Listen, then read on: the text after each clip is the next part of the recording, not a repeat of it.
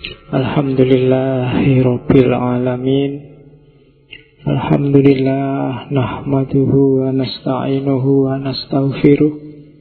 Wa na'udhu bihi min syururi anfusina wa min sayyiati a'malina.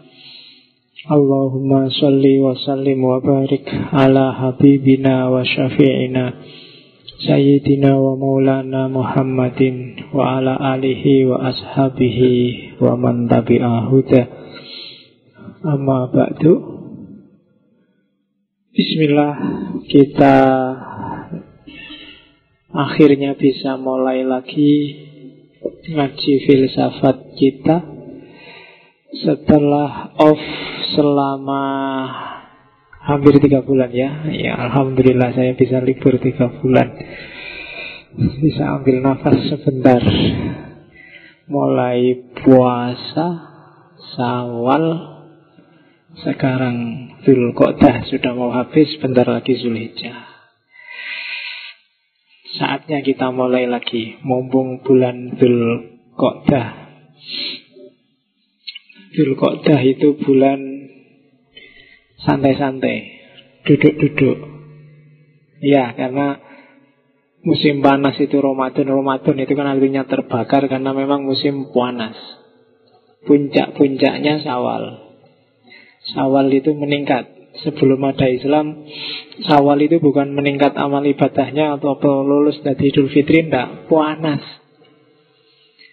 Ah, Sisa-sisa panas itu masih ada sampai bulan Dzulqa'dah. Makanya terus orang Arab hanya pakai kaos oblong terus duduk-duduk depan rumah, maka disebut bulan Dzulqa'dah zaman itu. Makanya ono bulan kok artinya dengok-dengok itu kan khas, tapi ya memang kayak gitu. Ya maknanya aja terus diislamkan Ramadan itu bulan apa Sawal itu meningkat betul Aslinya ya memang ini bulan santai-santai duduk-duduk. Ah makanya kita mulai santai-santai duduk-duduk sambil belajar filsafat lagi. Boleh layah-layah di sini bebas. Kalau mungkin ada yang baru mungkin kakinya selonjor ndak apa-apa ndak harus silo ndak harus ya. -uh. Tidur juga tidak apa-apa, sama sekali nggak ada yang larang. Om di sini bebas. Ya semoga kalau sambil tidur lebih bisa masuk filsafatnya. Loh iyalah kalau melek kan susah. Oke, pokoknya ngaji jalan terus. Ada alangan apa pun jalan kan gitu. Kemarin saya dilapori katanya Facebooknya hilang. Facebook nggak beli hilang yang bikin lagi. Ya kan? Tidak apa-apa.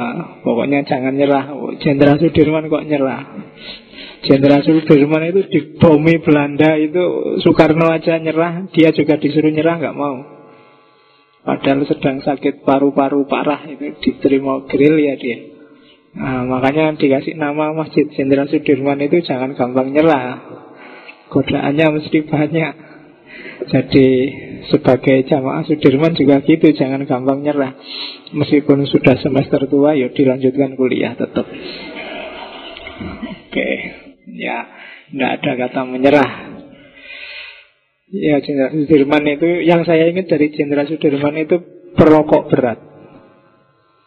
Jenderal Sudirman itu sampai Sayangnya sama rokok Sampai dilarang sama dokternya itu Dia kelimpungan. Akhirnya yang disuruh ngerokok istrinya Jadi Istrinya suruh ngerokok depannya Terus asapnya disumburkan ke wajahnya.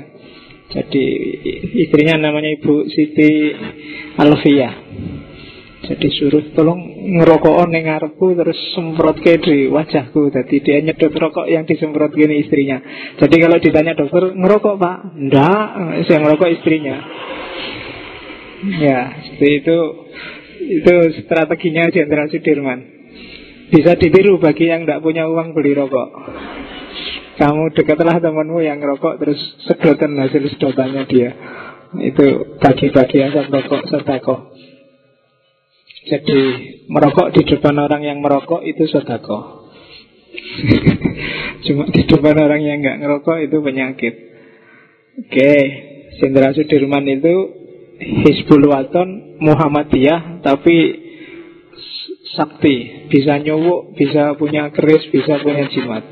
Itu Jenderal Sudirman. Banyak cerita-cerita Jenderal Sudirman nyembuhin orang sakit dengan air putih yang difatihai. Punya banyak koleksi keris.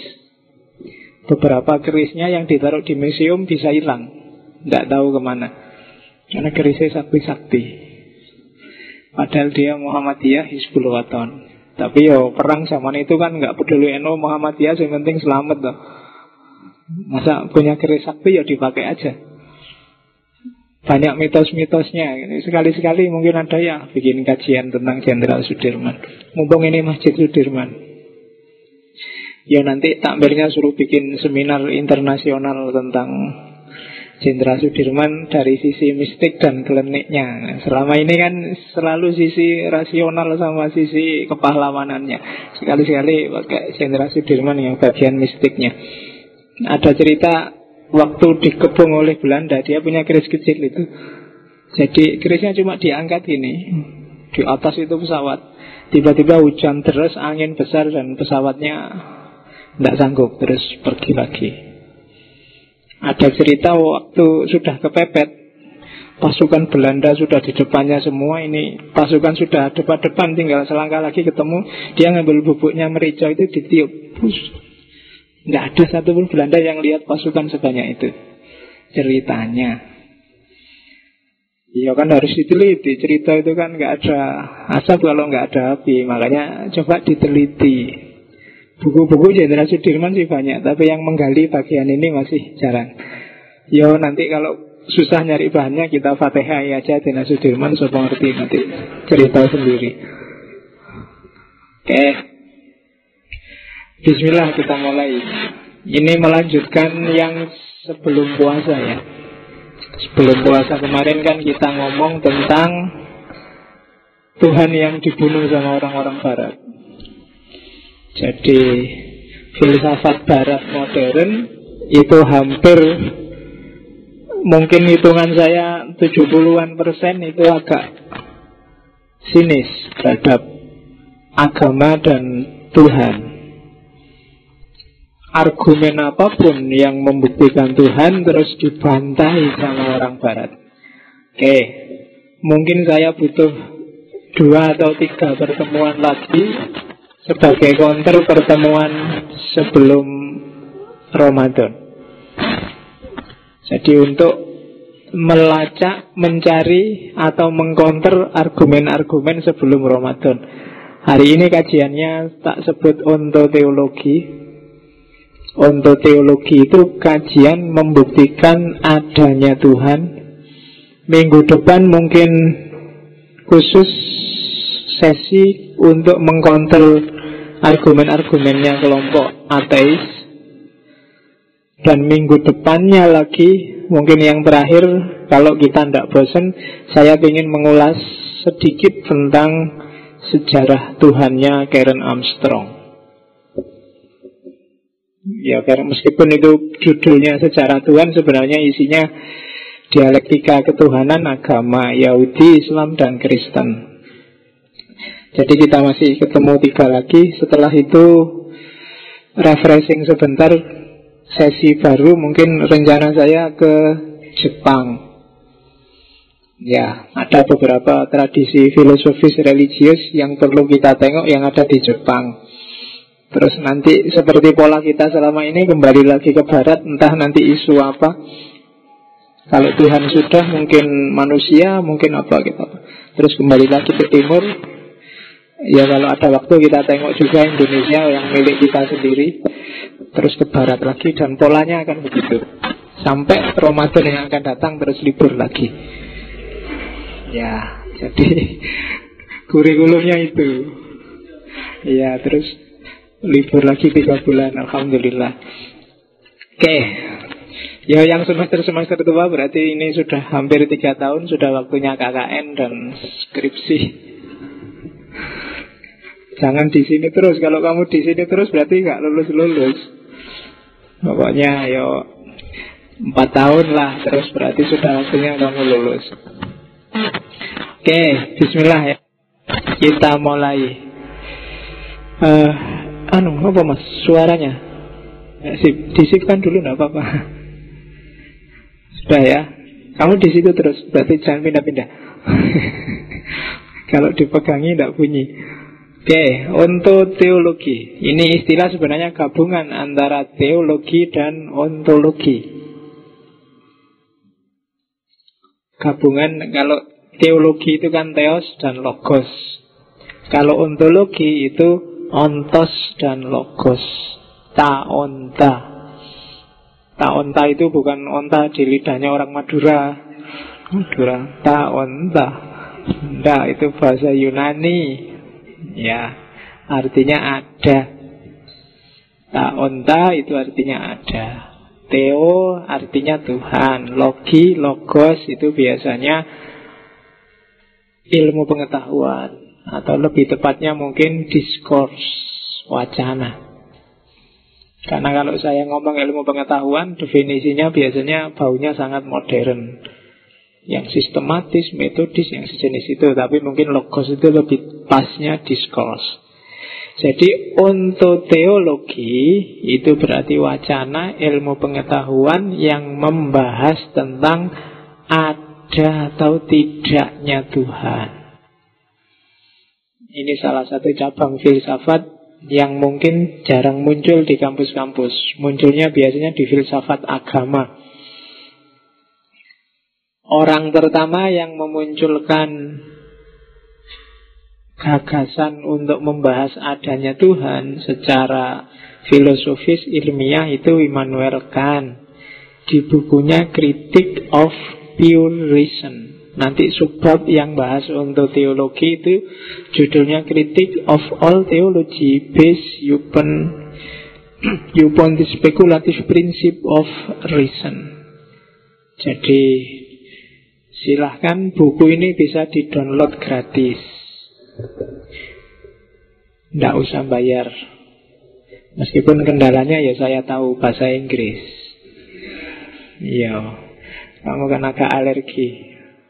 Alasannya saya anti kolonial pak Tidak mau dipaksa ngerti bahasa Inggris Buat apa? Nasionalis saya pak Oke Jadi istilah ini dari Immanuel Kant Jadi nanti kalau kalian baca itu Itu antara lain mengkritik belief, kepercayaan-kepercayaan, keimanan-keimanan teologis. Nanti Immanuel kan juga punya buku yang lain yang khusus bahas agama yaitu Religion Within the Limit of Reason Alone. Agama dalam batas-batas akal saja. Jadi yang seharusnya secara rasional Tuhan itu harusnya gimana? Yang seharusnya secara rasional sifat-sifatnya harusnya gimana? Hubungannya dengan manusia harusnya gimana? Dan seterusnya. Itu religion within the limit of reason alone. Immanuel Kant dapat dikatakan puncaknya tradisi filsafat modern. Sangat asik dengan ilmu dan filsafat sampai dia konon tidak menikah. Ya kalau di Islam mungkin tandingannya Suyuti dan kawan-kawan. Jadi ilmu pengetahuan itu enak, filsafat itu enak sampai dia nggak nikah. Ya. Mungkin kalian juga gitu, kuliah itu enak jadi sampai Pak lulus-lulus. Wah, enak kuliah itu Pak, makanya saya nggak mau cepat-cepat lulus Pak. Mungkin gitu. Immanuel kan orangnya, tapi jangan dikira dia orangnya tertib. Filosof yang rapi itu Immanuel kan.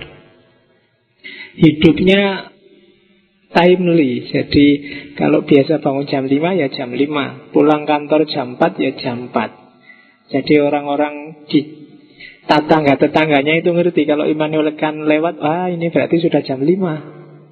Kalau dia berangkat, oh jadi nyocok ke jam nunggu Immanuel kan lewat aja. Oh jam 5 berarti. Dia nggak pernah miss, orangnya sangat tertib dan nggak pernah jalan-jalan jauh. Konon perjalanan paling jauh sekitar 30 mil dari rumahnya Itu pun karena mendatangi Zaman dia belum terkenal Untuk mendatangi anak yang mau dia les Itu manual kan Tapi dampaknya luar biasa dalam tradisi filsafat barat. Immanuel Kant ini di antara tokoh yang terkenal agak agnostik kalau dalam hal Tuhan karena bagi dia urusan Tuhan itu tidak akan bisa dijangkau dengan akal.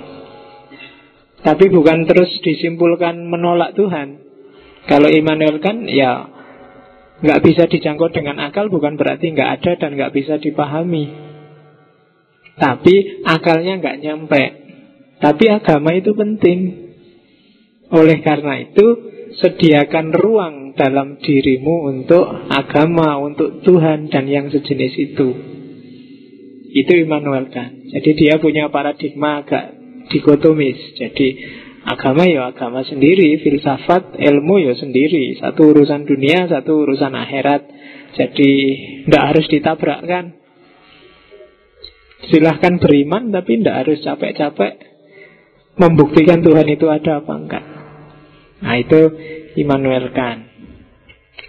Oke, jadi untuk teologi itu berarti teknik, logos, wacana, ilmu pengetahuan yang membahas adanya Tuhan. Malam ini kita jelajahi sebentar. Oke, membahas Tuhan itu biasanya kita dihadapkan dua problem. Yang pertama sampai hari ini belum ada jawaban tuntasnya, tapi kalau yang kedua bisa. Sudah banyak yang membahas dan tuntas. Yang pertama bisa nggak Tuhan itu dibuktikan secara rasional? Ini kayak sebelum Ramadan kemarin ternyata semua argumen bisa mentah. Ya kalian cek lagi mungkin rekamannya masih ada pinjem ke yang yang belum download pinjem yang lain biar saya nggak ngulang.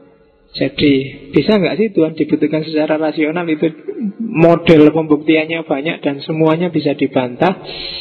Tapi kalau yang kedua bisa nggak bahwa keimanan itu rasional? Kalau keimanan lebih mudah dibuktikan secara rasional.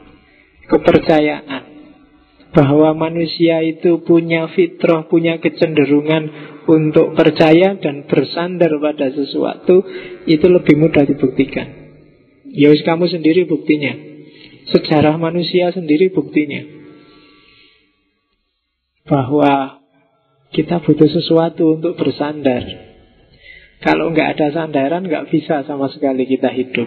Nah itu pertanyaan kedua Lebih mudah dijawab. Tapi kalau yang pertama Jangan-jangan Tuhan itu benar-benar ada nggak sih? Masuk akal nggak sih? Itu kayak sebelum Ramadan kemarin. Setiap jawaban bisa dibantah. Oke. Kita sebenarnya mengiyakan apalagi jamaah masjid kan dua-duanya kita iyakan. Ya bisa. Cuma kita nggak pernah serius bahas isu-isu semacam ini kan bagi teman-teman mungkin ngapain pak? Bahas gitu-gitu.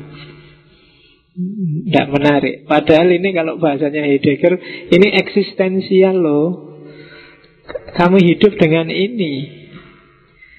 Kalau ini kamu nggak jalan Apalagi kamu nggak paham Berarti hidup Hidupmu hidup yang tidak sadar.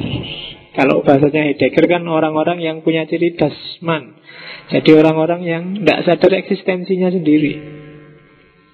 Padahal dia bertuhan, dia beragama, tapi tidak tahu kenapa beragama, kenapa bertuhan ya. Begitu saja, atau ya manut bapak, atau ya manut ustadznya, atau ya selalu begitu. Jadi selalu manut. Ah, ini pilihan problemnya. Dua-duanya dibahas nanti. Tapi ya itu tadi.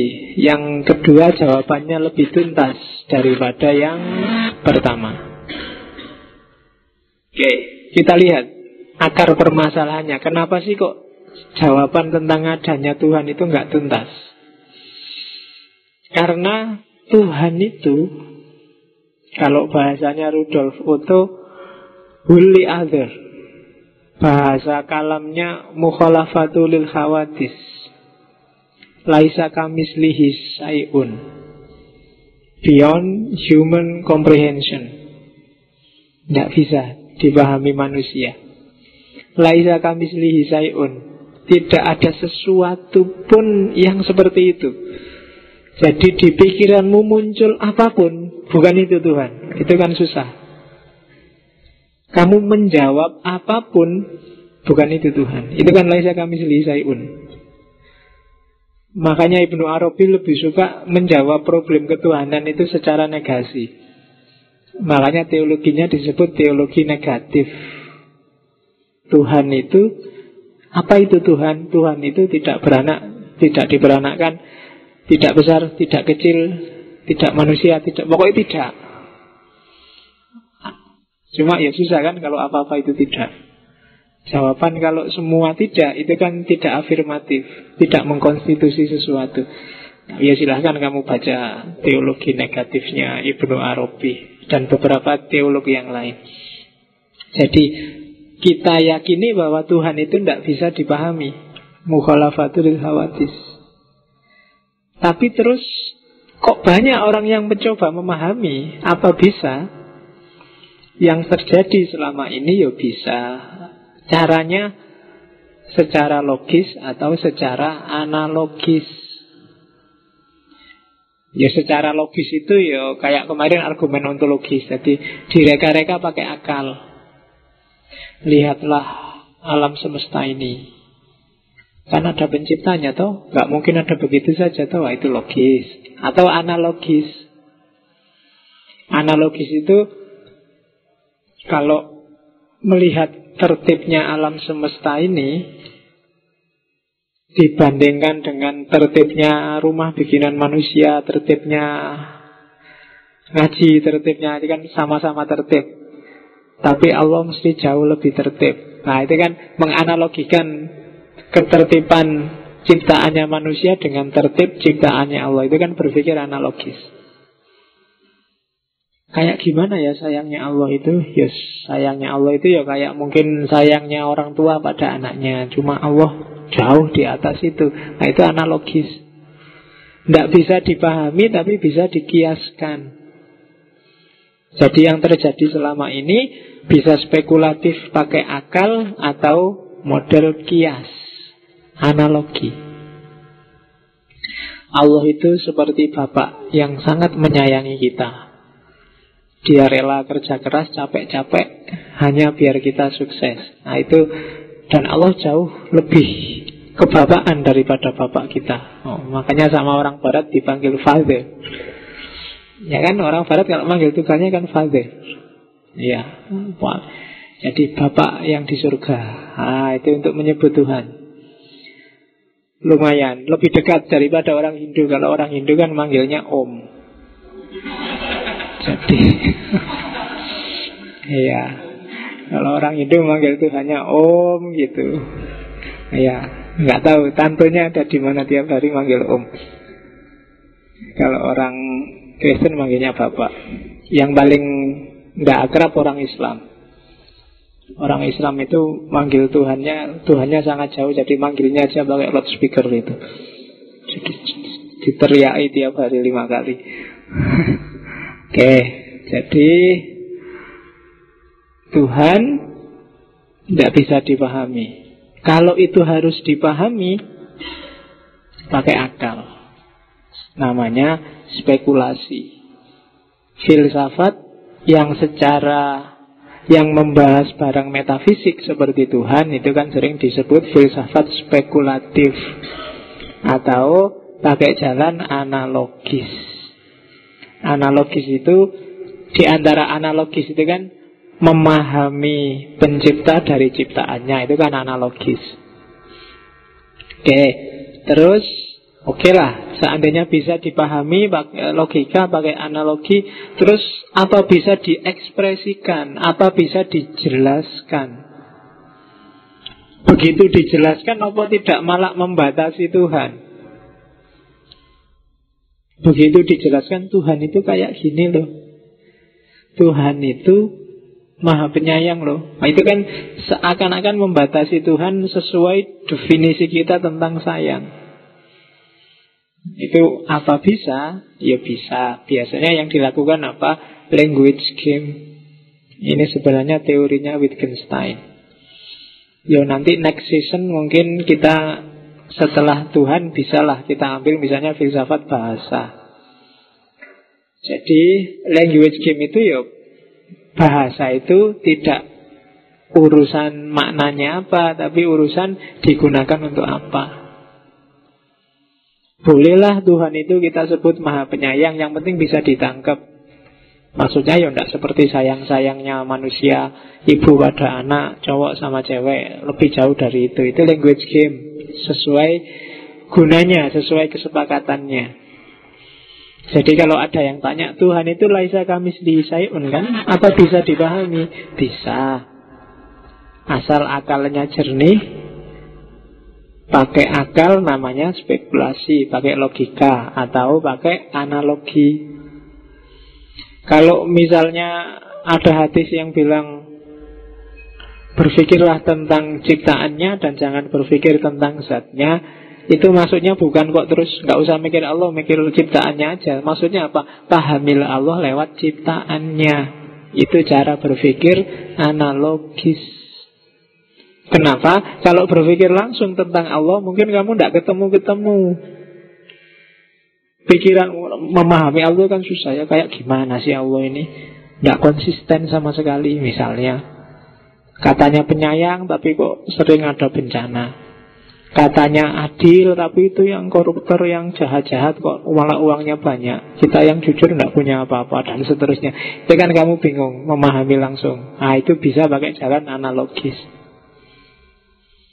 Oke, nah terus Seandainya sudah bisa dipahami, apa bisa diceritakan begitu saja, diomongkan begitu saja, ya bisa. Setelah dihayati, diomongkan bisa. Caranya language game. Language game itu bahasa simbolik. Tidak tergantung pada makna, tapi tergantung pada fungsi.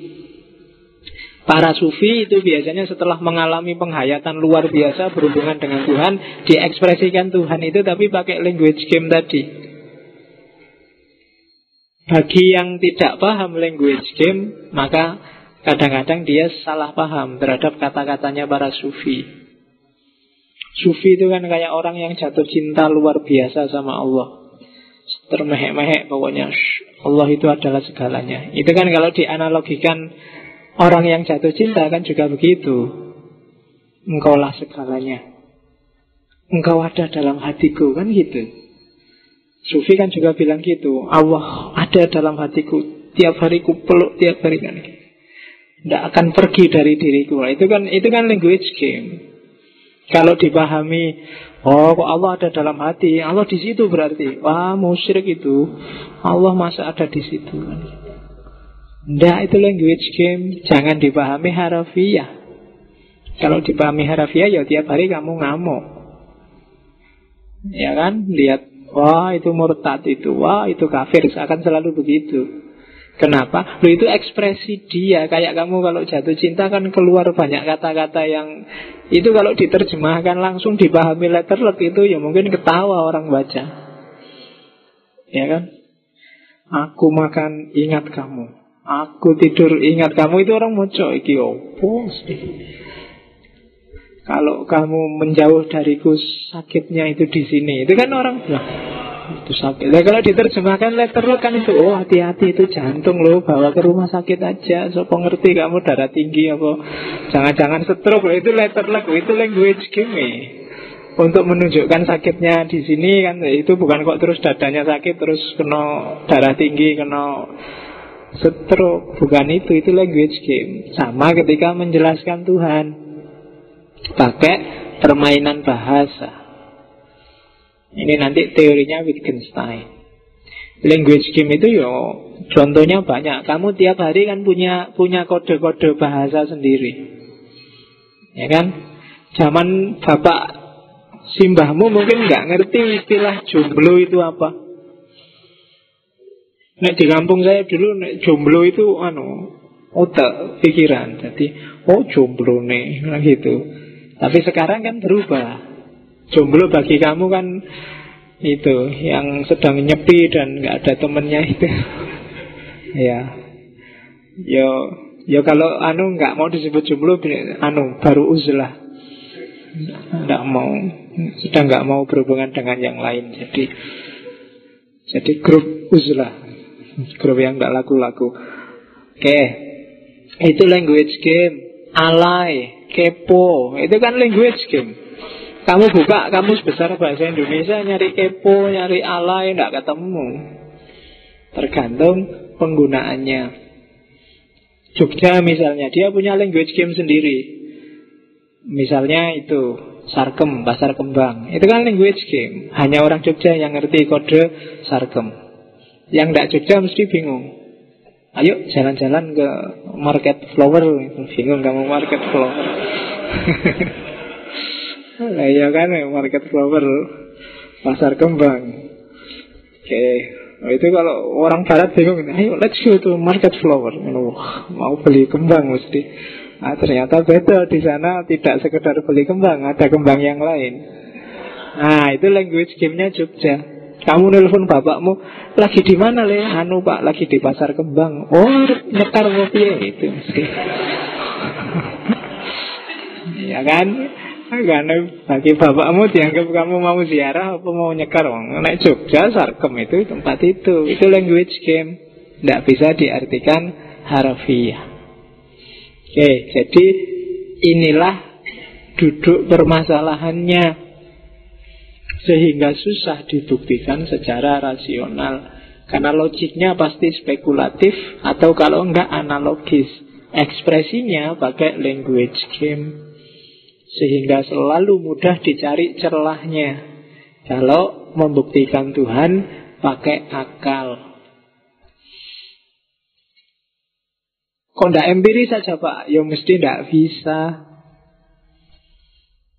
Membuktikan Tuhan secara empiris Jadi kok susah-susah toh Pak? Mbok Tuhan itu ditemui Terus difoto, diajak selfie Diupload di Facebook. Nah ada tuh Tuhan Selesai. Ya tidak bisa Akal panca indera itu sangat terbatas. Empiris kan pakai panca indera. Akal itu yang metafisik nggak bisa dijangkau. Semi metafisik pun nggak bisa dijangkau. Ya contohnya semi metafisik itu di situ tak contohkan siaran televisi, handphone, TV itu kamu lihat ada orangnya, wah ada orang cakep-cakep, kan nggak bisa terus TV ini mau percaya mana orangnya nggak ada. Ini kan semi metafisik. Barangnya Bukan itu, itu cuma image-nya, representasinya. Dia tidak ada. Misalnya HP, oh suaramu kok enak sekali, terus dibuka. Loh kamu kok nggak ada di dalam? Ya memang itu cuma suaranya, pakai kabel transmisinya, itu semi metafisik. Yang kayak gitu pun ternyata tidak empiris. Empiris itu kan kelihatan barangnya bisa disentuh, bisa diakses. TV cuma kamu lihat, wah penyiarnya kok cakep banget ya kamu pegang TV pipinya, loh bukan pipi yang kamu pegang kan cuma kacanya TV. Jadi seni fisik itu pun nggak bisa dijangkau oleh panca indera. Apalagi bahkan yang fisik tertentu. Contohnya di situ tak kasih contoh, fisik tertentu itu jelas misalnya dirimu sendiri. Hubunganmu sama ibumu kan kamu nggak membuktikan sendiri langsung. Kamu dikasih tahu toh, eh ini ibumu, ini bapakmu kan gitu. Kamu kan nggak nggak, oh, kamu nggak ngerti waktu lahir itu kan, akalmu juga perlu lengkap baru lahir. Begitu lahir apa kamu lihat, oh iya ini ibuku kan nggak gitu. ya kan? Atau begitu lahir terus sama susternya dibawa ke tempatnya bayi-bayi itu, itu kan kamu percaya aja kan sama susternya. Ketukur enggak ketukur juga enggak tahu. Ya kan bisa tes DNA Pak. Lo tes DNA berarti kan tidak empiris itu namanya kan? Kamu harus bersandar pada Percaya pada sistem teknologi namanya tes DNA Empiris itu kan diakses langsung. Jadi bahkan yang fisik pun Tidak selalu bisa dibuktikan secara empiris. Itu sehingga Ghazali bilang Pembuktian empiris itu pembuktian yang paling lemah Jangan mudah ketipu dengan yang empiris-empiris. Casingnya bisa iPhone 6 Tapi nek isinya diganti Smart Friend G apa kamu yang ngerti? Ya kan kamu gak ngerti tau kamu terpesona Uh iPhone 6 ini. Nanti nek HP ini lelet mau anggap Oh ini mesti salah operatornya. Salah aku. Padahal mungkin sama yang punya diganti. Ini sini Nokia zaman dulu apa Nokia 3310 apa berapa. Nggak ada sekarang pakai Nokia 3310 Padahal itu Nokia yang legend itu. Ya kan? Zaman awal-awal HP itu kan Legend di mana mana orang pakai 3310 Oke, kemudian jadi empiris, lah wong membuktikan yang fisik aja. Pontang panting dia, apalagi membuktikan Tuhan. Jangan percaya kalau ada orang ngomong saya ketemu sendiri Tuhan, esprek. Tidak bisa. Karena apa? Dia beyond, bahkan beyond metafisik. Apalagi yang metafisik, cinta, semangat, gairah, putus asa itu barang metafisik semua. Belum ketemu yang setan, jin, gondorwo, metafisik apalagi. Metafisik itu gampang. Apa pun yang tidak bisa kamu akses di luar fisiknya, itulah metafisik. Gaib itu kan sesuatu yang kamu belum tahu, karena nggak bisa akses itu kan gaib. Kalau ada bahasa agama, kalau di jalan Kaluirang misalnya ada sate enak, tapi kamu nggak ngerti, cuma dikasih tahu teman maka sate di jalan Kaliurang itu barang gaib bagimu. Ya kan? Karena kamu nggak tahu, nggak bisa akses. Jadi goib itu tidak jauh-jauh. Tapi yang tiap hari hidupnya sama setan, jin, genderuwo, mungkin bisa lihat, bisa nyentuh ya. Setan, jin, genderuwo bukan barang goib bagi dia. Kan definisi goib itu kan itu sesuatu yang absen dari panca indramu. Ya itu pembuktian empiris. Pasti tidak berdaya untuk memahami Tuhan. Gimana dengan pembuktian rasional? Untuk membuktikan secara rasional butuh namanya permis mayor. Permis mayor adalah sesuatu yang harus kamu percayai dan tidak bisa dibantah. Kalau kamu bantah, permisnya bubar. Jadi, tidak bisa. Kenapa tidak bisa? Ya, namanya bukan rasional. Kayak rentetan itu loh. Segala sesuatu ada penciptanya, aku termasuk sesuatu, maka aku ada penciptanya. Itu logis sih, cuma di mana di situ yang ngomong Tuhan? Loh, pencipta itu kan Tuhan, Pak. Loh, kalau gitu yang mikirnya nggak usah jauh-jauh. Segala sesuatu ada penciptanya dan pencipta itu Tuhan, berarti Tuhan ada selesai. Termasuk aku berarti Tuhan. Tapi di situ sebenarnya nggak ngomong sama sekali Tuhan. Apalagi Allah. Kalau ada yang tanya, lo kalau pakai argumen itu apa nanti benar Allah? Jangan-jangan benar orang Kristen Yesus, jangan-jangan benar orang Hindu Brahman dan seterusnya. Tidak mengarah ke sana. Rasional kelemahannya adalah spekulatif. Spekulasi-spekulasi. Kalau itu spekulasi, orang bisa bikin spekulasi yang lain yang derajatnya sama. Dan spekulasi pasti ada tadi Permis mayor yang wajib kamu percaya. Setiap manusia pasti mati. Ini kan kesimpulan yang Apa iya sih? Kita kan belum nyampe di akhir zaman. Kalau kalau ingin membuktikan setiap manusia pasti mati Itu kan harus ditunggu sampai kiamat selesai Terus oh iya ternyata setiap manusia mati. Kan gitu. Tapi kan kamu percaya saja Ya pak setiap manusia mati kan selesai Nah, jadi yo yang rasional sebenarnya juga tidak rasional karena berawal dari permis yang dianggap pasti benar. Apalagi mikir Tuhan. Kalau nggak diawali dari percaya berat. Maka katanya Ghazali argumen rasional itu lebih bagus dari argumen empiris. Tapi juga mudah keliru, mudah ketipu. Ya kan? Pikiran yang sesat itu kan banyak. Sesat menyimpulkan, sesat merumuskan, sesat memahami, itu rasio. Kadang-kadang yang salah dijustifikasi jadi benar, itu rasio. Tapi dia jauh lebih bagus daripada sekedar empiris. Kayak waktu SD kalau kamu sering dicontohin sama gurumu, ada pensil dimasukkan gelas. Secara empiris pensilnya kelihatan patah atau ya patah ya kayak patah kayak bengkok itu. Tapi kan akalmu bilang oh enggak. Itu tetap lurus cuma karena biasnya air aja sehingga kelihatan patah. Nah, yang bisa bunyi kayak gitu akal. Jadi dia lebih bagus daripada empiris. Cuma begitu objeknya metafisik, akal juga kelimpungan. Karena dia bisanya spekulasi dan analogi tadi.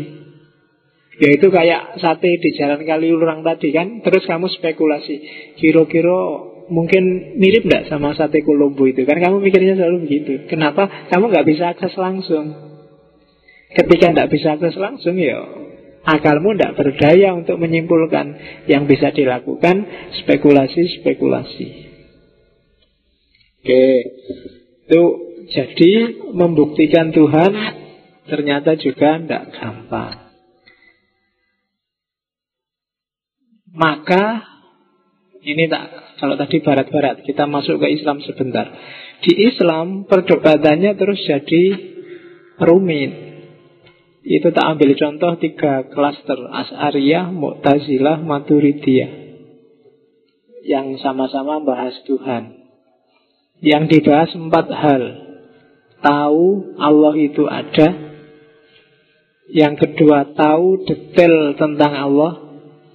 Yang ketiga tahu baik dan buruk. Yang keempat tahu wajibnya mengikuti yang baik dan menjauhi yang buruk. Sejauh mana sih kemampuannya akal? Nah tiga, tiga madhab itu beda-beda.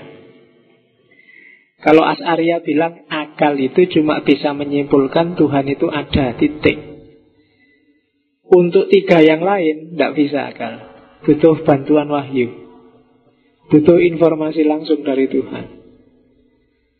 Itu katanya As'ariyah. Abu Hasan Al-As'ari. Kalau Mu'tazilah bilang, lah, empat-empatnya bisa. Akal itu luar biasa.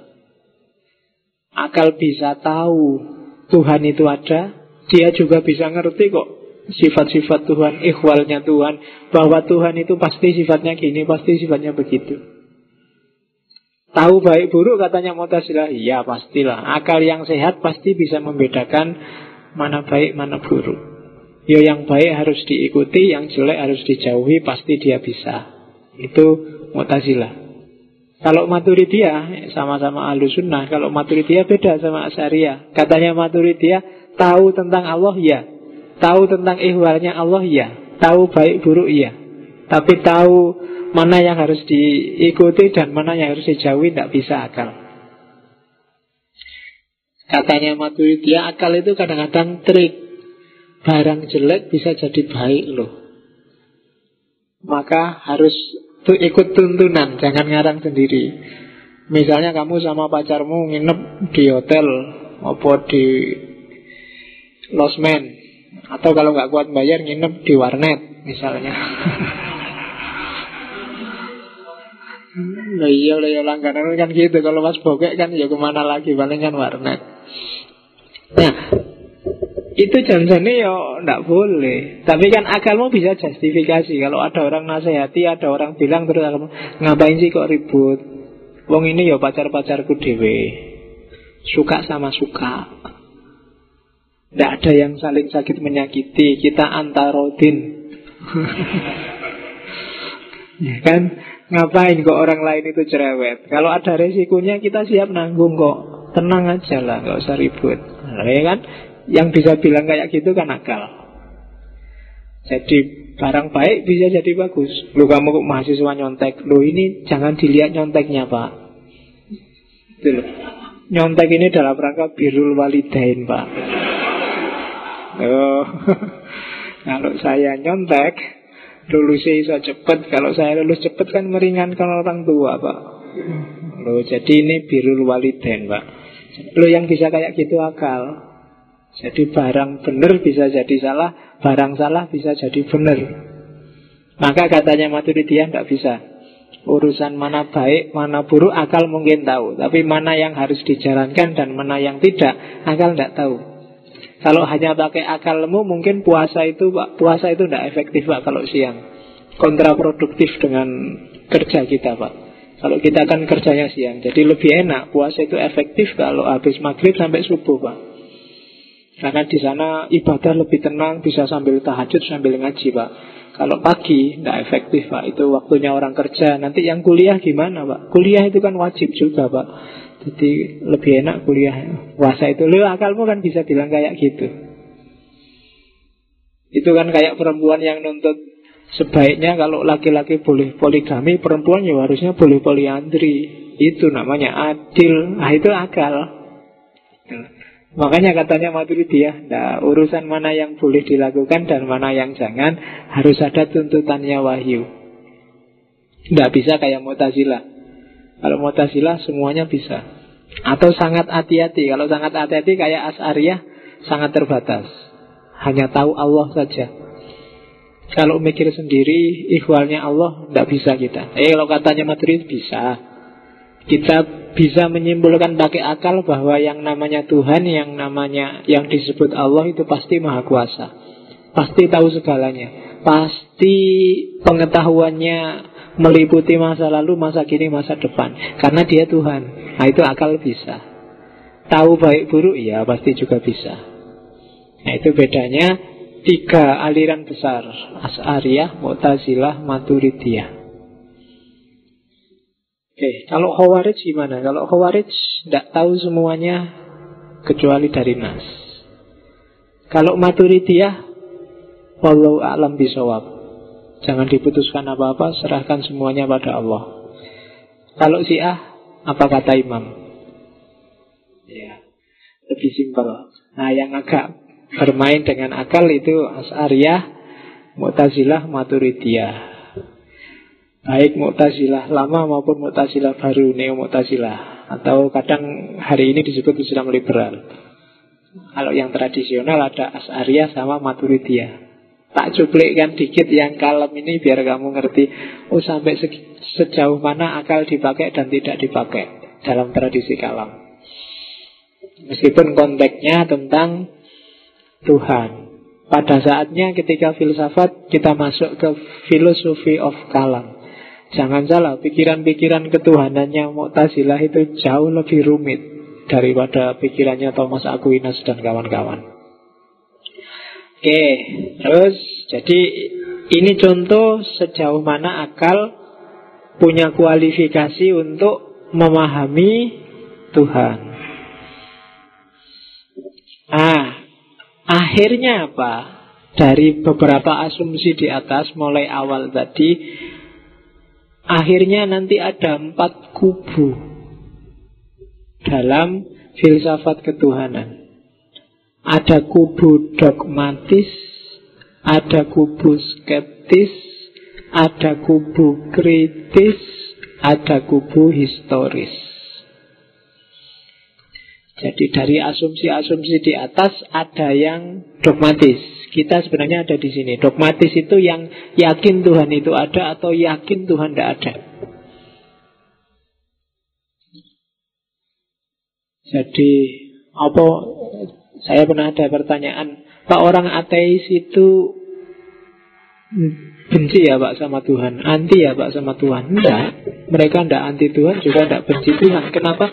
Wong mereka tidak percaya ada Tuhan kok. Ya kan? Loh kalau nggak percaya ada Tuhan gimana mereka bisa benci Tuhan? Oh, Tuhannya nggak ada. Di anti juga tidak ada. Anti komunis misalnya ada komunisme terus saya anti komunis. Jadi orang ateis itu ya mereka tidak benci Tuhan juga tidak anti Tuhan. Wong bagi mereka Tuhan itu nggak ada. Apa yang mau dibenci? Yang bisa benci Tuhan itu kalian. Ya kan? Kayak film India itu, kalau sudah sumpek itu lari ke kuil, Tuhannya dimaki-maki. Akhirnya Tuhannya ngalah. Kalau sudah marah-marah di kuil, balik lagi musuhnya diantem kafe habis sudah. Kayak film India itu kan. Ah, jadi ya, langganan India. Itu kalau India itu kan menurut saya actionnya ngalah-ngalahi film Barat. Orang Barat itu biasanya nembak dikit-dikit saja musuhnya ambruk semua. Kalau di India musuhnya ditabrak ke tembok sampai ajur itu bisa bangun lagi. Dibanting dia itu masih bangun lagi. Sakti-sakti orang India ini. Meskipun polisinya kasihan miskin-miskin. bawaannya cuma jeep jelek itu mesti. Di mana-mana sekarang polisi itu kan pakai mobil bagus-bagus, ada yang BMW ada. Kalau di India tetap pakai jeep jelek itu. Itu khasnya India. Jabatan polisinya cuma dua, inspektur sama komisaris. Di luar itu nggak ada, nggak ada kok jenderal polisi itu nggak ada. Mesti kalau nggak inspektur ya komisaris. Oke, ngomong apa sampai India. Jadi standpoint pertama percaya atau tidak percaya, yakin ada Tuhan atau tidak yakin ada Tuhan, tidak percaya Tuhan itu ada, itu standpoint yang dogmatis. Yang kedua skeptis, nanti melahirkan agnostisisme bahwa manusia nggak akan bisa nyampe memahami Tuhan. Argumen apa pun nggak memadai. Skeptis biasanya melahirkan kritisisme. Standpoint ketiga. Jadi bukti-bukti adanya Tuhan yang selama ini ada itu tidak kuat. Semuanya tidak kuat. Semuanya bisa dibantah. Itu kritis. Dari kritis, biasanya yang ekstrim lahir standpoint historis. Karl Marx, Nietzsche, Durkheim, Freud itu semuanya kan standpointnya historis bahwa jangan-jangan memang Tuhan itu tidak ada dan itu bikinannya manusia.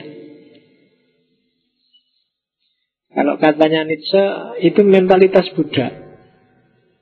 Orang yang tidak bisa eksis jadi dirinya sendiri Terus nyari sandaran Dan ketemunya sandaran paling sip itu ya Tuhan kalau mak itu orang yang kalah secara ekonomi, kemudian menipu dirinya dengan agama dan merasa asik di situ untuk menutupi kekalahannya secara ekonomi.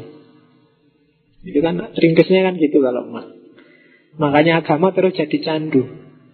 Begitu kamu kalah di dunia, miskin, sementara yang kafir-kafir kok kaya, kamu tinggal bilang, tidak apa-apa dia kaya di dunia. Besok di akhirat tunggu aja. Ah, itu kritiknya Mark. Jadi agama jadi candu. Kalau Durkheim enggak, kalau Durkheim ah agama itu kan media biar masyarakat rukun. Karena masyarakat kan butuh identitas yang sama. Dan identitas paling mudah untuk menyatukan masyarakat itu religi, agama. Kalau zaman dulu agama primitif pakai totem. Totem itu kan simbolnya biasanya binatang. Yang itu ditiru oleh anak-anak pramuka itu loh Grup kelinci Grup harimau Grup apa kan itu Itu sebenarnya logika totem Saya tidak tahu kok Grupnya jadi binatang-binatang Apa ada grup pramuka yang tidak binatang ya? Iya mau Ya, ada tadi kita ada. Oke, okay. Gimana menggerakkannya? Kursor hilang. Oke, mungkin besok. Terlalu bagus laptopnya. Oke ya, itu Durkheim.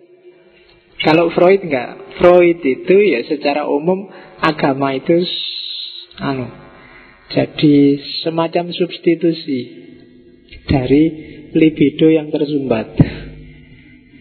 Jadi energimu meluap-luap Nggak bisa, nggak boleh kan? Nggak boleh haram, bukan muhrim Nggak boleh. Akhirnya Terus dialirkanlah ke agama. Untuk aktivitas-aktivitas keagamaan Untuk harus macam-macam Itu katanya Freud gitu. Jadi sublimasi. Agama itu sebenarnya sublimasi psikis. Jadi kamu sebenarnya ingin bebas macam-macam Tapi tidak bisa. Gairahmu meledak-ledak tapi tidak bisa. Akhirnya disublimasikan tidak apa-apalah tidak bisa bebas melampiaskan hasrat tapi kan nanti masuk surga kita beramal yang baik, sholat yang rajin, tahajud lah. Kalau nafsunya sudah nggak tertahan, puasalah. Kalau itu jadi sublimasi dari hasrat. Jadi agama itu bikinan kita sendiri. Itu katanya beberapa filosof. Nietzsche, Marx, Durkheim, Freud. Ini yang kadang-kadang bikin orang tidak suka sama filsafat. Cuma orang lihatnya cuma tokoh ini ini saja, padahal tokoh yang lain banyak. Sama-sama eksistensialis. Jangan lupa selain Nietzsche masih ada Muhammad Iqbal, masih ada Mullah Sadra. Bahkan masih ada Ibnu Arabi. Semuanya eksistensialis. Cuma orang lebih wow pada Nietzsche yang anti Tuhan. Jadi terus, wah berarti filsafat itu bikin orang anti Tuhan. Padahal kalau pakai Iqbal, loh, kamu bisa beragama secara aktif progresif. Kalau pakai Mula Sadra, kamu bisa mengkombain antara akal, hati, mistik jadi satu. Kalau pakai Ibnu Arabi, apalagi kamu bisa masuk Jauh ke wilayah mistisisme. Sama-sama eksistensialis. Cuma orang kan Jarang menengok yang Islam-Islam. Dianggap pokoknya tasawuf eh, Pokoknya filsafat itu sesat. Karena anti Tuhan. Karena orang susah membedakan Mana filsafat yang produk pemikiran Mana filsafat yang sebagai alat Untuk berpikir secara jernih. Jadi sering-sering orang kejebak di situ jadi ya jangan lupa Ghazali yang mengkritik filsafat pun sebenarnya sangat filosofis argumen-argumennya. Orang yang tanya apakah filsafat itu tidak membawa kepada kesesatan, pertanyaan itu pasti diawali dari refleksi yang filosofis. Jadi ketika dia menggugat filsafat, sebenarnya dia juga sedang berpikir filosofis tentang fenomena yang namanya filsafat. Jadi itu yang kadang-kadang harus dijelentrehkan lagi. Oke, jadi berpikir tentang Tuhan tadi melahirkan empat standpoint. Dogmatisme, skeptisisme, dari skeptis kadang-kadang berkembang jadi kritisisme, kemudian bahkan sampai yang historisisme. Nietzsche, Karl Marx, dan kawan-kawan. Ah, kalau diringkas, ini detailnya ada di pertemuan sebelum Ramadan. Argumen pembuktian Tuhan itu 1, 2, 3, 4, 5, 6, 7, 8 Ada prime mover Prime mover itu penggerak yang tidak digerakkan Nanti argumen penggerak yang tidak digerakkan ini disempurnakan oleh Thomas Aquinas the first cause, sebab pertama. Penggerak yang tidak digerakkan itu alam semesta ini kan berubah terus dinamis. Perubahan itu biasanya ada sebabnya. Sebab itu biasanya dari luar. Kenapa kamu datang ke sini? Karena ada pengumuman dari Takmir. Kenapa Takmir mengumumkan? Karena tak SMS sebelumnya malam ini bisa. Kenapa aku nge-SMS? Karena ada yang ngingetin aku sudah waktunya Pak, sudah bulan September. Kenapa kok dia ngingetin aku? Karena selalu ada penggerak-penggerak. Dan penggerak-penggerak ini pasti harus ada ujungnya dong. Kalau nggak ada akhirnya penggerak pertama ya nggak masuk akal. Itu first cause Dan kalau penggerak pertama itu kita sebut Tuhan Ya berarti Tuhan itu ada. Meskipun ini di sebelum Ramadan kan juga sudah dibantah. Bantahannya nggak perlu tak ulang. Biar kamu tetap merasa argumen ini valid.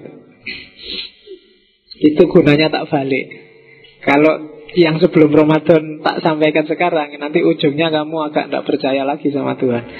Jadi tak balik yang yang percaya Tuhan tak taruh di akhir kalau first cause kan jelas, semua ada sebabnya dan pasti harus ada sebab pertama. Ya contoh paling gampang biasanya kan dipakai kamu ada sebabnya bapak ibumu, simbahmu, simbahmu oleh mbah buyutmu, mbah buyutmu oleh mbah canggah, canggah oleh udek-udek, udek-udek oleh gantung siwur, gantung siwur oleh terus sampai ke atas. Kan harus ada awalnya. Nabi Adam misalnya awalnya. Nabi Adam kan harus ada penciptanya. Setelah Nabi Adam Yo diciptakan oleh yang menciptakan Adam Kalau menciptakan Adam ini Allah ya berarti Allah ada Nggak boleh ada terus-terus nggak ada akhirnya. Kalau nggak ada akhirnya, akal nggak bisa memahami. Itu argumen first cause. Kayu ini disebabkan oleh pohon-pohon, oleh apa terus, pasti ada begitu. Itu argumen first cause. Tidak ada yang nggak ada sebabnya. Ada teori yang bilang mukjizat pun sebenarnya ya ada kosnya, ada sebabnya. Hanya saja kadang-kadang sebab itu dipercepat. Misalnya di buku itu tak baca. Mukjizatnya Nabi Musa, tongkat bisa jadi ular. Itu kan seolah-olah nggak masuk akal. Tongkat kok jadi ular. Loh, itu kalau dirunut sebenarnya bisa. Tongkat itu kan nanti bisa jadi tumbuhan. Begitu ditanam, dia melahirkan tumbuhan. Yang tumbuh ini mungkin tumbuhan yang bisa dimakan oleh ular. Akhirnya kan dia jadi membantu pembiayaan ular. Jadi dari tongkat bisa jadi ular. Cuma prosesnya diloncati, tiba-tiba tongkat terus jadi ular. Itu. Saya lupa buku apa itu. Jadi argumennya gitu. Jadi ada proses natural yang cuma dipercepat aja, bukan urusan kok kayak tukang sulap. Jadi nggak ada tiba-tiba ada. Jadi ada proses-proses yang diloncati. Tapi sebenarnya natural. Ada ada sebabnya. Tuhan juga begitu. Terus yang ketiga argumen possibility and necessity. Semua yang ada di alam semesta ini sifatnya mungkin ada. Kenapa mungkin ada ya? Karena bisa nggak ada. Tahun 70-an, saya lahir 76, kamu belum ada. Sekarang ada, besok nggak ada lagi. Dari tidak ada jadi ada, kan ada sebabnya. Nah, kalau sudah begitu naik lagi ke first cost. Jadi sebabnya tadi semula nggak ada terus ada terus dan akhirnya ya pasti ada harus ada yang pasti ada tidak disebabkan oleh apa-apa. Nah itu argumen kedua.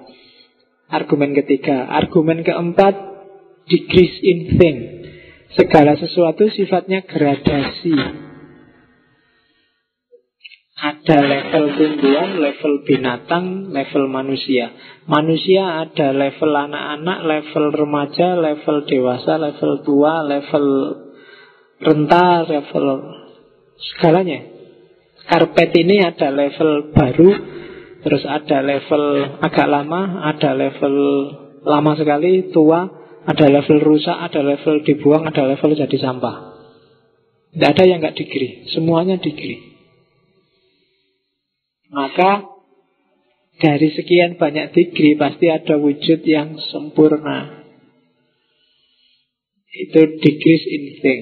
Nanti kalau belajar wujud dia, falsafatul wujud akan ketemu teori gradasi ini. Inspirasi paling banyak dari Neoplatonisme yang antara lain nanti diadopsi oleh Alfarabi.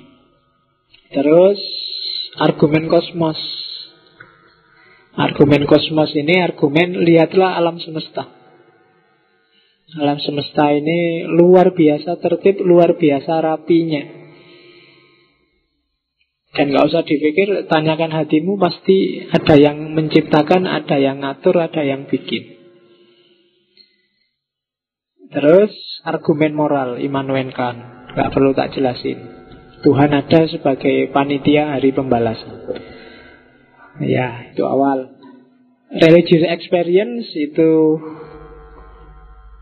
pengalaman keagamaan dinikmati sendiri-sendiri secara subjektif individu kamu rasakan sendiri wah Tuhan itu ternyata ada memang harusnya aku dapat nilai E loh kok malah dapat A. Ini mesti campur tangannya Tuhan. Itu religious experience. Ya. Kamu tidak protes kan kalau kayak gitu? Kalau contohnya dibalik kamu mesti komplain Marah-marah ke dosennya. Untung dosennya nggak bilang Itulah campur tangan Tuhan. Harusnya kamu harusnya kamu dapat E Sekarang dapat A. Tapi kalau kamu harusnya A dapat E. Kebalik. Jadi Tuhannya Kamu kalau seneng aja bilang Ini Tuhan Tapi kalau jelek komplain Yang terakhir argumennya Pascal Argumennya Judy Walker jadi, yo kalau dihitung-hitung untung dan tidak untung mending punya Tuhan deh. Daripada nggak punya. Toh nggak bayar, gratis. untungnya banyak. Ya kan? Dengan punya Tuhan, kamu punya teman banyak. Kamu bisa pacaran sama anaknya kiai, kamu bisa, lewatnya untungnya oke pokoknya. Contohnya gitu. Itu argumen judinya Pascal. Coba kamu bilang saya nggak percaya Tuhan, saya nggak punya Tuhan. Wah, mesti kamu tiap hari dimarahi orang. Facebookmu akan penuh dengan caci maki. Ya kan? Tapi kamu tunjukkan bahwa kamu punya Tuhan, kamu orang soleh, sekali-sekali ngutip ayat, agak narsis sedikit, ngomong yang bijaksana-bijaksana, wah, yang yang like mesti banyak. Nah, itulah untungnya punya Tuhan. Katanya Pascal. Oke, ini orang-orang Barat. Ini sudah tak kasih sebelum Ramadan. Yang Islam sudah tak kasih ketika ngomong tokoh-tokoh filsafat Muslim. Al-Farabi, Ibnu Sina, dan kawan-kawan. Yang itu kalau diringkes cuma jadi tiga argumennya. Yang pertama dalilul hudus, yang kedua dalilul jawas, dan yang ketiga dalilul inayah wal ikhtirok. Dalilul hudus itu dalil kebaruan alam. Jadi dalil kebaruan alam ini tak besarin aja ya. Tulisannya kecil. Oke. Jadi ini loh. Ini Al-Kindi yang punya. Alam semesta ini kan terbatas. Tidak ada yang tidak terbatas. Umur manusia terbatas. Barang apa pun terbatas. Tidak ada yang tidak ada batasnya. Segala yang terbatas Pasti ada awalnya. Gak mungkin awalnya juga tak terbatas. Kalau ada awalnya, berarti baru. Tidak kodim. Kodim kan tidak ada awalnya. Nah, alam semesta itu kan karena di alam ini segalanya terbatas, ya berarti semua yang melekat di alam juga terbatas. Ruang, waktu, dan semuanya terbatas. Semuanya juga baru. Kalau itu baru, berarti ada yang bikin. Dari nggak ada jadi ada. Itu dalilul hudus. Terus dalilul jawas. Dalilul kudus itu awas keliru bukan kudus loh ya kudus. Hadasa karena kadang-kadang istilah itu mirip-mirip. Di kampus mahasiswa kuliah tasawuf zaman saya dulu ada pertanyaan apa yang dimaksud dengan hulul nah, dia nggak ngerti dia ngerti oh ini salah ketik mungkin harusnya halal. Iya terus iya. Jadi hulul akhirnya definisi halal yang dia tulis. Segala yang diperbolehkan oleh Allah untuk dimakan. Nah jadi hulul adalah segala yang diperbolehkan oleh Allah untuk dimakan karena dia salah dianggapnya halal. Jadi ini kudus, kudus artinya baru bukan bukan kudus yang artinya ya apalagi hadas, apalagi hadis. Oh, itu banyak istilahnya yang sama. Jadi maknanya jauh. Ahlul hadis dengan ahlul hadas itu kan agak jauh bertentangan. Iya. Oke. Terus yang kedua dalilul jawas. Kalau dalilul jawas argumen kayak tadi, possibility mungkin ada dan mungkin nggak ada. Mungkin itu kalau di Ibnu Sina mungkin itu maksudnya potensi. Bisa ada, bisa enggak.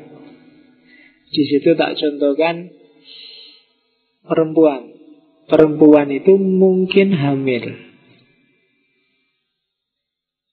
Tapi dia tidak bisa menghamili dirinya sendiri. Dia punya potensi hamil. Potensi ini bisa aktual biasanya ada dorongan dari luar. Kamu misalnya, saya pak mungkin punya kumis. Nah itu kan ada pendorongnya Akhirnya sampai kumismu keluar beneran ya Kamu makan yang bergizi apa ngasih apa Akhirnya kumisnya keluar ada yang enggak, ada yang memang karena genetik enggak mungkin punya kumis. Bahkan ada yang perempuan aja bisa keluar kumisnya. Itu kan potensi. Potensi ini jadi aktual kalau ada pendorongnya. Perempuan mungkin hamil. Dia kalau dia hamil beneran pasti ada pendorongnya yang bikin dia hamil beneran. Nggak mungkin kok bilang, oh kok saya tiba-tiba hamil ini, jangan-jangan dihamili jin kan sering orang kayak gitu. Ya berarti aktualnya yang bikin dia aktual jinnya. Nggak tahu jin yang merek Lea atau jin yang merek Levi's yang bikin dia hamil. Jadi dalil jawas. Oleh karena itu Tuhan kalau di dalil jawas itu mengaktualkan dari yang semula potensi. Maka Tuhan itu ada. Itu para filosof Muslim, Ibn Rus dan kawan-kawan. Atau dalilnya eh Ibnu Sina dan kawan-kawan. Kalau yang Ibnu Rus itu lebih suka pakai dalilul inayah wal ikhtiro. Dalil inayah itu melihat bahwa coba dilihat bumi ini dibikin sangat pas untuk manusia. Suhunya, jaraknya dengan matahari, kelembapannya, kekeringannya itu pas persis untuk dihidupi manusia. Bahkan konstruksi tubuhnya manusia dibikin dia nyaman untuk kepentingan hidupnya. Itu dalil inayah. Itu membuktikan ada desainernya, nggak mungkin kebetulan. Jadi kalau rambut bisa tumbuh terus, tapi gigi tidak tumbuh terus. Sama-sama barang yang bisa tumbuh. Itu mesti ada desainernya. Kalau gigimu tumbuh terus, pening kamu. Oh iya kan? Tidak membayangkan. Nanti Kayak apa di wayang itu cakil itu kan. Giginya panjang sampai ke depan cakil itu wayang yang tidak bisa mati. Matinya karena stres. Stres karena kalau dia meludah itu lidahnya anu ludahnya balik lagi yang giginya gini. Cuh itu depan lagi masuk lagi. Cuh jadi stres dia ludah ludahnya nggak bisa keluar. Jadi mati akhirnya. Jadi lu inayah nggak ada manusia kayak gitu. Semaju-majunya gigimu tetap masih bisa mengunyah masih pas untuk ngomong kan ada orang yang giginya malah di luar itu kan orang tertentu tapi kan tetap dia nggak tumbuh terus giginya sampai ke depan. Itu dalil inayah. Doa itu Allah masih nolong kita loh. Konstruksinya itu selalu pas. Semrong apa pun. Jadi dalil inayah. Ikhtirak juga begitu. Konstitusi konstruksi alam ini pas untuk kita. Sepanas apa pun suhu, ternyata kita bisa adaptasi. Meskipun kita mengeluh terus. Hujan, salju pun ternyata orang bisa adaptasi. Disediain bahan banyak sekali di sekelilingmu untuk mengatasi persoalan apa pun yang muncul dari alam. Kalau dingin kamu bisa bikin jaket, yang jaket itu terbuat dari kain, kain itu terbuat dari kapas, kapas tinggal dipanen diambil. Kalau kamu kedinginan, kamu tinggal bikin teknologi kipas angin nanti dingin sendiri. Kipas angin kan juga butuh angin. AC juga butuh angin. Kalau nggak ada angin secanggih apa pun AC kipas angin nggak ada gunanya. Ya, jadi dalilul ikhtiraq. Ya meskipun nggak ada kipas angin kamu pakai apa? Teknologi tukang sate itu yang dikipas-kipas itu kan tetap Butuh angin juga. Loh ini kan usaha saya sendiri pak. Iya tapi kan itu butuh angin. Jadi yang yang kipas-kipas itu. Jadi dalilul inayah wal ikhtiro. Oke. Ya ini kata-katanya Thomas Aquinas. Things are in motion, hence there is first mover. Segala sesuatu itu bergerak di sekelilingmu, berarti ada penggerak pertama. Things are caused. Segala sesuatu itu disebabkan berarti ada sebab pertama. Thing exists. Segala sesuatu ada berarti ada yang menciptakan sehingga ada. Kebaikan yang sempurna itu ada, berarti ada sumbernya. Segala sesuatu itu terdesain dengan rapi, berarti ada yang bikin. Ada yang apa merancang. Ada tujuannya. Alam semesta ini tidak asal, tidak acak. Itu katanya Thomas Aquinas. Oke. Kalau ini argumen sosiologis, selain argumen-argumen tadi, dunia sosiologi kenal kenapa sih agama itu nggak mungkin hilang. Tidak ada manusia yang tidak religi, religi apa religare, religare itu nanti jadi kata religi jadi religion. Tidak ada manusia yang seateis apa pun dia, dia butuh sandaran tertentu. Kenapa? Karena manusia itu punya tiga karakter itu. Ketidakpastian, ketidakberdayaan, dan kelangkaan. Hidup kita kan tidak pasti. Secanggih apa pun kamu merancang, masih bisa gagal. Berarti kamu nggak menguasai 100% hidupmu. Sudah tiap hari kamu SMS dibales. Dijemput, diantar, mau. Ditraktir, mau. Tapi ditembak kok nolak. Loh kan? Nggak pasti. Kamu sudah yakin, mau ini tiap kali ketemu kok senyum, dijemput oke, okay, diantar oke, okay, ditraktir oke, okay, diajak jalan-jalan oke, okay. ditembak kok tidak mau, tidak pasti, ya kan? Kamu sudah kenal sama dosennya, dosennya juga sering ngajak ngobrol kamu, kamu sudah bantuin dorongin mobilnya waktu mogok, ujian kamu merasa bisa nggarap, lo malah dikasih D Nah, ini tidak bisa dirancang. Hidup serba tidak pasti. Jangan dikira yang sekarang merasa wajahnya jelek, besok pasangannya juga jelek. Ya kan? Tidak mesti. Ada kemungkinan yang wajahnya jelek, pasangannya lebih jelek. ya. Wilayah itu kan nggak mesti. Jadi level levelnya bisa bisa di bawahnya dia. Oke, yang kedua tidak berdaya. Tidak berdaya itu kamu punya batasan-batasan. Saya sih pinginnya kalau ngaji gini begitu selesai pulang sekali loncat langsung nyampe rumah. Ya, tidak bisa. Kamu tidak berdaya untuk itu. Kecuali the flash. Kalau jam 6. Jadi tidak kita banyak hal yang kita tidak bisa, banyak hal yang kita tidak mampu. Mikir Tuhan aja sejak tadi muter-muter tidak ketemu-ketemu. Kita dalam banyak hal kita sangat terbatas. Kita butuh dukungan. Maka orang larinya ke Tuhan. Yang ketiga kelangkaan. Kelangkaan ini lanjutannya dari ketidakberdayaan tadi. Tenaga kita terbatas. Bahkan umur kita terbatas. Bahkan kekuatan kita terbatas. Sumber daya alam di sekeliling kita terbatas. Jadi hidup kita serba tidak pasti, serba tidak berdaya, dan serba terbatas. Ini yang bikin secara naluriah orang butuh sesuatu yang jauh lebih besar dari dirinya. Itu yang bikin orang susah, itu yang bikin agama tidak bisa dibunuh. Meskipun sejak dulu dikritik, disesat-sesatkan oleh orang-orang yang tidak percaya Tuhan. Tapi tetap jalan. Kenapa?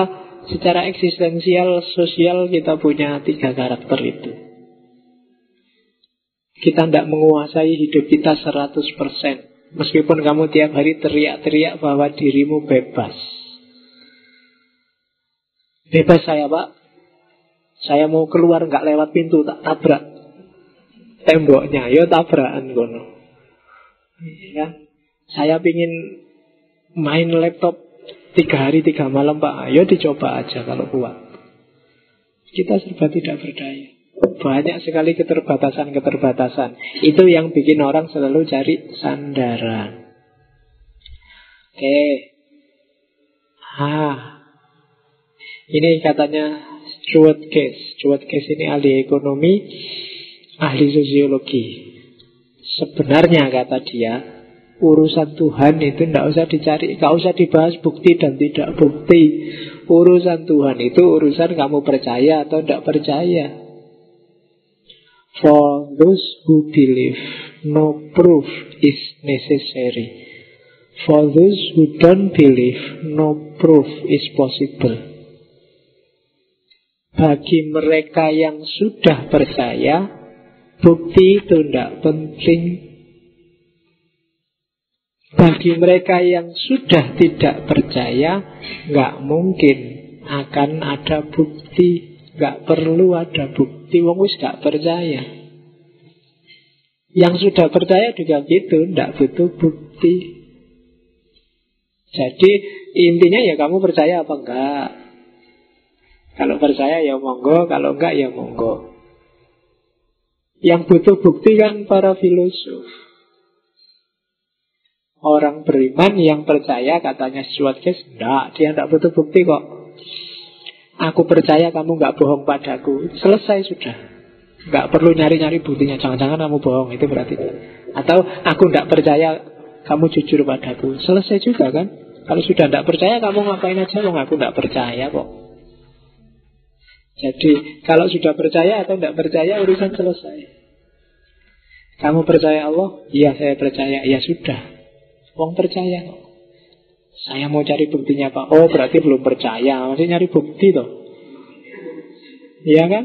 Kalau masih nyari bukti berarti belum percaya Tapi kalau sudah percaya Ya ngapain capek-capek nyari bukti Katanya sudah percaya itu katanya Stuart Case.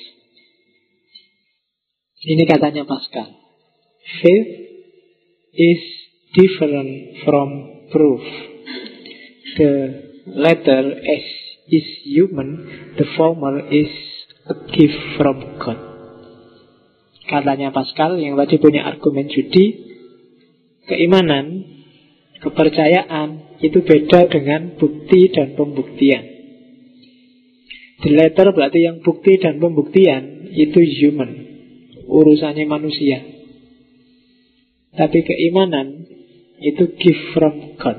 Kalau bahasa kita sehari-hari itu hidayah. Itu dikasih. Ini nggak tak kutipkan dari Ghazali maupun dari Suyuti, dari Pascal aja. Kalau pakai Ghazali biasanya gue anggap besok. Biasa pak, kiai yang mesti ngomong ngono pak. Halo Pascal lo ini filosof kan kamu baru baru mau kan. Jadi faith is different from proof. Jadi kalau urusan bukti membuktikan ya urusanmu mau buktikan monggo nggak mau monggo. Tapi percaya dan tidak percaya itu biasanya hidayah. Give from God. Nah, kamu ditakdirkan jadi beriman entah dengan jalan apa saja itu sebenarnya hidayah. Kalau Tuhan nggak ngasih hidayah meskipun orang tuamu muslim mungkin sekarang kamu sudah bosan sama Islam. Oh, sejak dulu sholat terus bosan pak. Nggak ada yang lain apa? Oh, apa nggak capek Allah itu lihat sholat kita? Ya janjinya Allah itu ya capek lihat sholatmu sejak dulu gitu aja nggak berkualitas. Cuma ya gimana lagi? The gift from God itu katanya Pascal. Oke, kalau ini kali Gibran. Faith is knowledge within the heart, beyond the reach of proof. Kepercayaan itu pengetahuan tapi bukan pengetahuan yang diakal, tapi pengetahuan dalam hati. Dan itu di luar jangkauan pembuktian. Jadi kalau kamu percaya itu hatimu yang bunyi dan itu tidak butuh justifikasi akal. Itu kalau yang intuisinya tajam, biasanya bisa, ah aku percaya padamu. Nah, itu kan hati yang bilang, bukan akal. Kalau pakai akal mungkin hati-hati ah, zaman sekarang mudah orang. Ya kalau hari ini kan apa pun yang di sekeliling kita, TV, internet, WA, Facebook itu banyak yang menumpulkan hati. Makanya isinya curiga terus. Melihat orang lain jelek terus. Membenarkan dirinya sendiri selalu menyalahkan yang lain itu kerjaannya akal. Tapi kalau hati, intuisi tidak. Makanya agama selalu menganjurkan menganjurkan husnudzon. Itu tidak dalam rangka menyelamatkan orang lain, tapi menyelamatkan dirimu sendiri. Karena lawannya husnudon itu suudon. Prasangka buruk itu dasarnya mesti entah di hulu atau muara pasti ketemu kebencian. Kebencian itu ya awal dan akhir dari kerusakan. Hari ini banyak orang benci terhadap apa pun, kelompoknya kah, yang berbeda atau beda partai, beda golongan, beda urusan itu ya. Nah itu lama-lama hatinya tumpul. Kalau hati sudah tumpul biasanya susah mencari tadi gift from God tadi hidayah, buka susah. Karena masuknya ke sana hidayah itu. Oke. Itu Khalil Gibran. Kalau ini peribahasa Jepang. Do you need proof of God? Does one light a torch to see the sun? Apa kamu butuh apa kamu merasa perlu untuk membuktikan Tuhan? Apalagi hanya pakai akal. Membuktikan Tuhan pakai akal itu kayak kamu menyalakan apa? Obor di depan matahari. Menyalakan senter di depan matahari. Jadi tidak akan ada asarnya. Itu peribahasa Jepang. Cuma tidak tak tulis Jepangnya karena saya juga tidak ngerti Jepangnya apa. Apalagi kamu. Jadi Jepangmu kan biasanya Jepang yang tidak pakai terjemahan. Ya, kamu cuma butuh gambarnya saja. Tidak butuh kata-katanya. Karena kata-katanya monoton. Oke. Jadi katanya orang Jepang tidak perlulah membuktikan Tuhan. Itu kayak menyalakan senter, menyalakan obor di hadapan matahari. Gak usah dinyalakan, kamu sudah terang dengan sendirinya. Kalau kamu bisa menerima adanya Tuhan. Ini peribahasa terjemahan dari Jerman. proof God is moving in your life is not what happened to you, it's what happened through you. Kalau kamu nyari buktinya Tuhan, itu dia bergerak dalam hidupmu. Bukan yang terjadi dalam dirimu, tapi yang terjadi karena dirimu. Buktinya Tuhan apa? Eh kok tiba-tiba kamu bisa nolong orang? Itu berarti Tuhan sedang bekerja melalui kamu. Eh kok tiba-tiba kamu bisa sayang sekali sama sahabatmu, sama temanmu. Bahkan duitmu diutangi sampai segitu banyaknya kamu ikhlas saja. Ah, itu sebenarnya Tuhan sedang kerja dalam dirimu.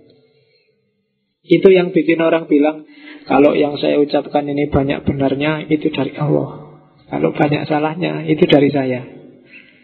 Nah itu kenapa? Karena Allah sedang kerja lewat dirimu, lewat diriku yang sedang ngomong. Sejak tadi saya ngomong cengenges-cengenges mungkin ada satu dua peletik yang kamu tangkap. Nah itu Allah sedang kerja melalui diriku. Ya kalimat Allah sedang kerja ini kan jarang kita pakai. Biasanya dipakai orang-orang Nasrani, orang-orang Kristen kalau ceramah di TV yang perempuan itu. Saudara-saudara, Allah sedang bekerja. Nah, ya kita jarang pakai itu, tapi yo ndak Kristen, ndak Islam ya, malah Allah sedang kerja melalui kita ya melalui kita.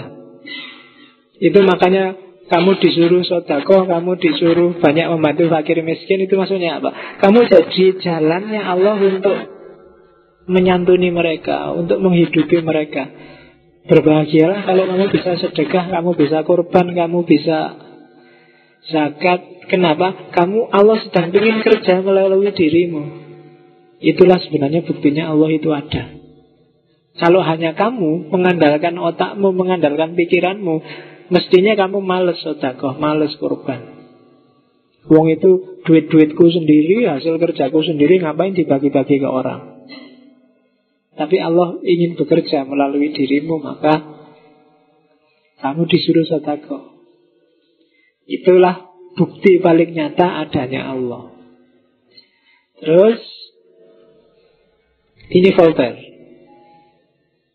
Katanya Voltaire, if God did not exist, it would be necessary to invent him. Sejak tadi kok kepercayaan pada Tuhan itu dikritik saja, katanya Voltaire.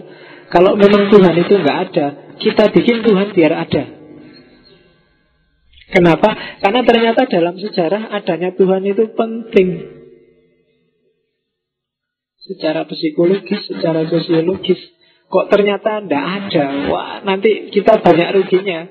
Ayo kita bikin ada.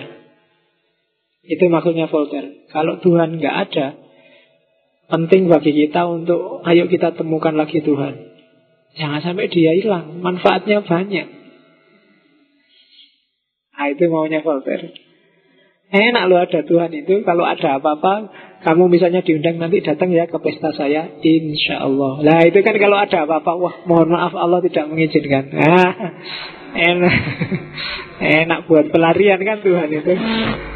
Kalau kamu nggak lulus Ujian misalnya Oh Allah sedang bekerja. Bikin aku tidak lulus ujian. Ini sudah kehendaknya Allah. Lu manfaatnya banyak punya Tuhan itu saya sudah kerja keras tapi Allah menakdirkan gini kayak gimana? Ah, Jadi makanya katanya Voltaire Kalau Allah ternyata nggak ada Ayo kita bikin ada aja. Kalau Allahnya nggak ada sumpah kita. Kita nggak punya pelarian, nggak punya sandaran. Nah itu katanya Voltaire Filosof yang agak uraan dari Perancis. Voltaire mungkin dulu pernah tak ceritain Voltaire ini dulu yang pernah sinis mengkritik. Jadi Kayak di kita itu loh kalau ada bencana Itu kan kita selalu Wah masjidnya masih utuh.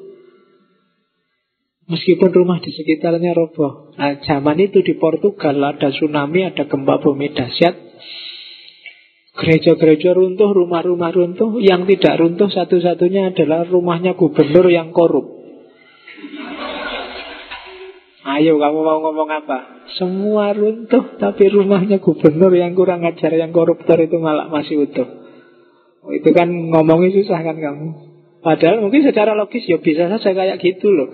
Kamu bangun rumah, bangun masjid Yang penting asal berdiri Sementara dia koruptor karena kaya Rumahnya pondasinya kuat. Jadi waktu bencana Satu-satunya yang berdiri rumah itu. Berani nggak kamu bilang Dengan nada yang sama semua runtuh kecuali rumah koruptor. Ini adalah anugerah Allah. itu zaman itu debatnya Voltaire sama gubernur yang ada di zaman itu. Oke, jadi katanya Voltaire, pentinglah kita punya Tuhan. Terus, eh, loncat satu. Ini Frank Peretti. Frank Peretti ini apa?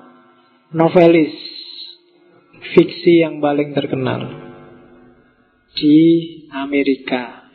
Dia bilang, karena dia fiksi, banyak nulis novel, You want proof there is God? Look outside, watch a sunset. Gak usah capek-capek mikir, kamu keluar aja sana, lihat sunset. Lihat matahari terbenam. Nanti kan ada terasa sesuatu. Itu kan kayak kitabnya Ghazali itu. Hikmah. Dalam penciptaan saya lupa judul Arabnya tapi Ghazali ngomong setiap yang diciptakan Allah ada manfaatnya. Langit misalnya kalau kamu sedang hatimu sumpek dangaklah apa bahasa Indonesia dangaklah itu? Uh, iya dangak itu bahasa Indonesia sudah ya? Enggak enggak bahasa. Iya, mendangaklah melihat ke langit. Coba lihat, Yus ngerti karpel. Coba lihat langit yang luas.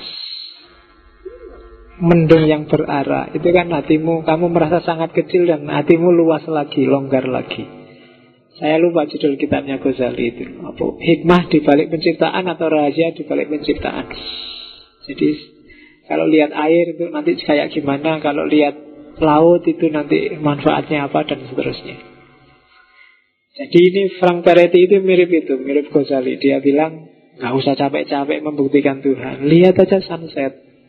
Kamu otomatis akan bilang Allahu Akbar.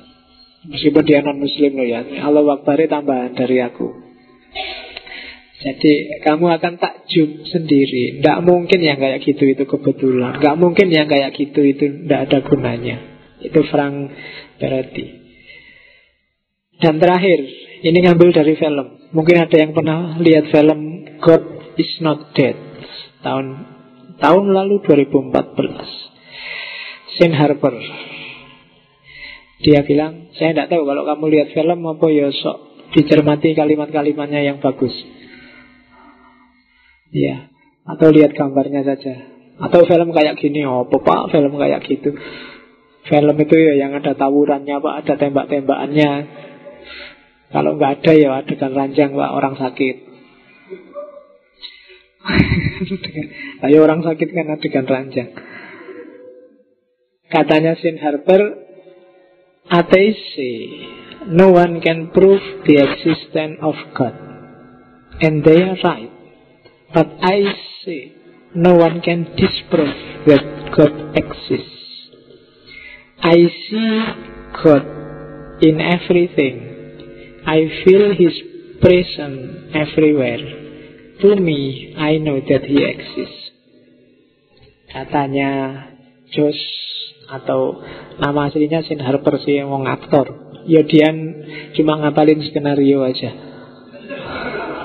ya harusnya yang dihargai anu yang nulis skenario orang ateis bilang tidak ada seorang pun yang bisa membuktikan bahwa Tuhan itu ada dan mereka benar tapi aku bilang kebalikannya tidak ada seorang pun yang bisa membuktikan bahwa Tuhan itu nggak ada. Sejak tadi kan kita sibuk membuktikan Tuhan itu ada. Ayo sekarang dibalik, buktikan kalau Tuhan itu nggak ada. Kesulitannya dua kali lipat. Loh ya, emangnya gampang membuktikan sesuatu itu nggak ada. Lebih susah. Ya, membuktikan sesuatu ada itu gampang, tapi membuktikan sesuatu itu nggak ada itu jauh lebih sulit. Buktikan bahwa kamu tidak suka padaku Itu susah. Tapi nyari bukti bahwa kamu suka padaku lebih gampang. Membuktikan Tuhan itu ada gampang. Eh, ya lebih mudah Daripada membuktikan Tuhan itu nggak ada.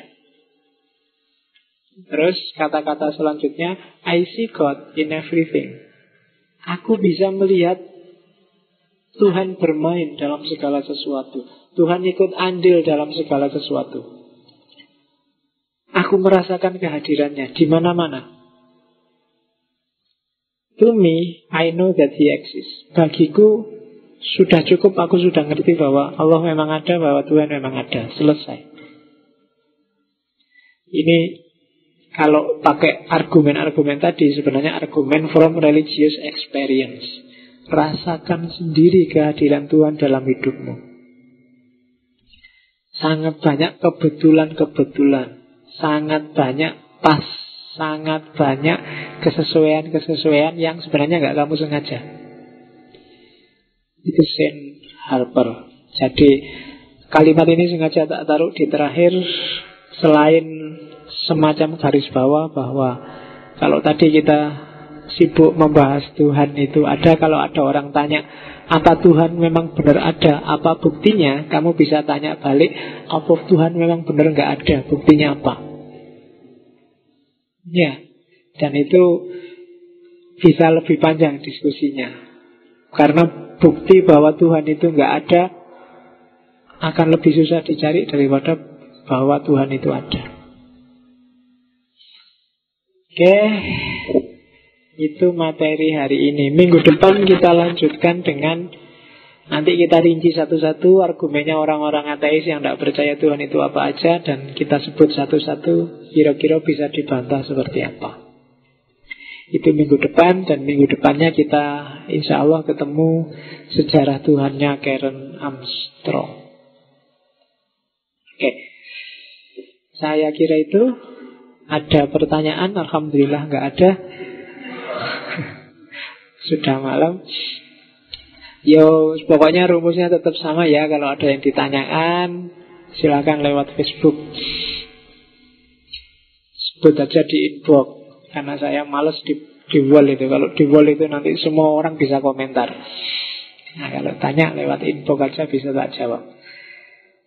Ya meskipun kadang-kadang buka Facebook saya juga males bisa seminggu sekali, dua minggu sekali, tidak apa-apalah. Wong persoalannya kan bukan persoalan hidup mati. Iya kan? Sekarang wajuan, besok dibahas lagi juga tidak apa-apa. Ditunda minggu depan juga tidak apa-apa. Oke, saya akhiri sekian. Mohon maaf kurang lebihnya. Wallahul muwafiq. Billahi taufiq wal hidayah wal afu minkum. Wassalamualaikum warahmatullahi wabarakatuh.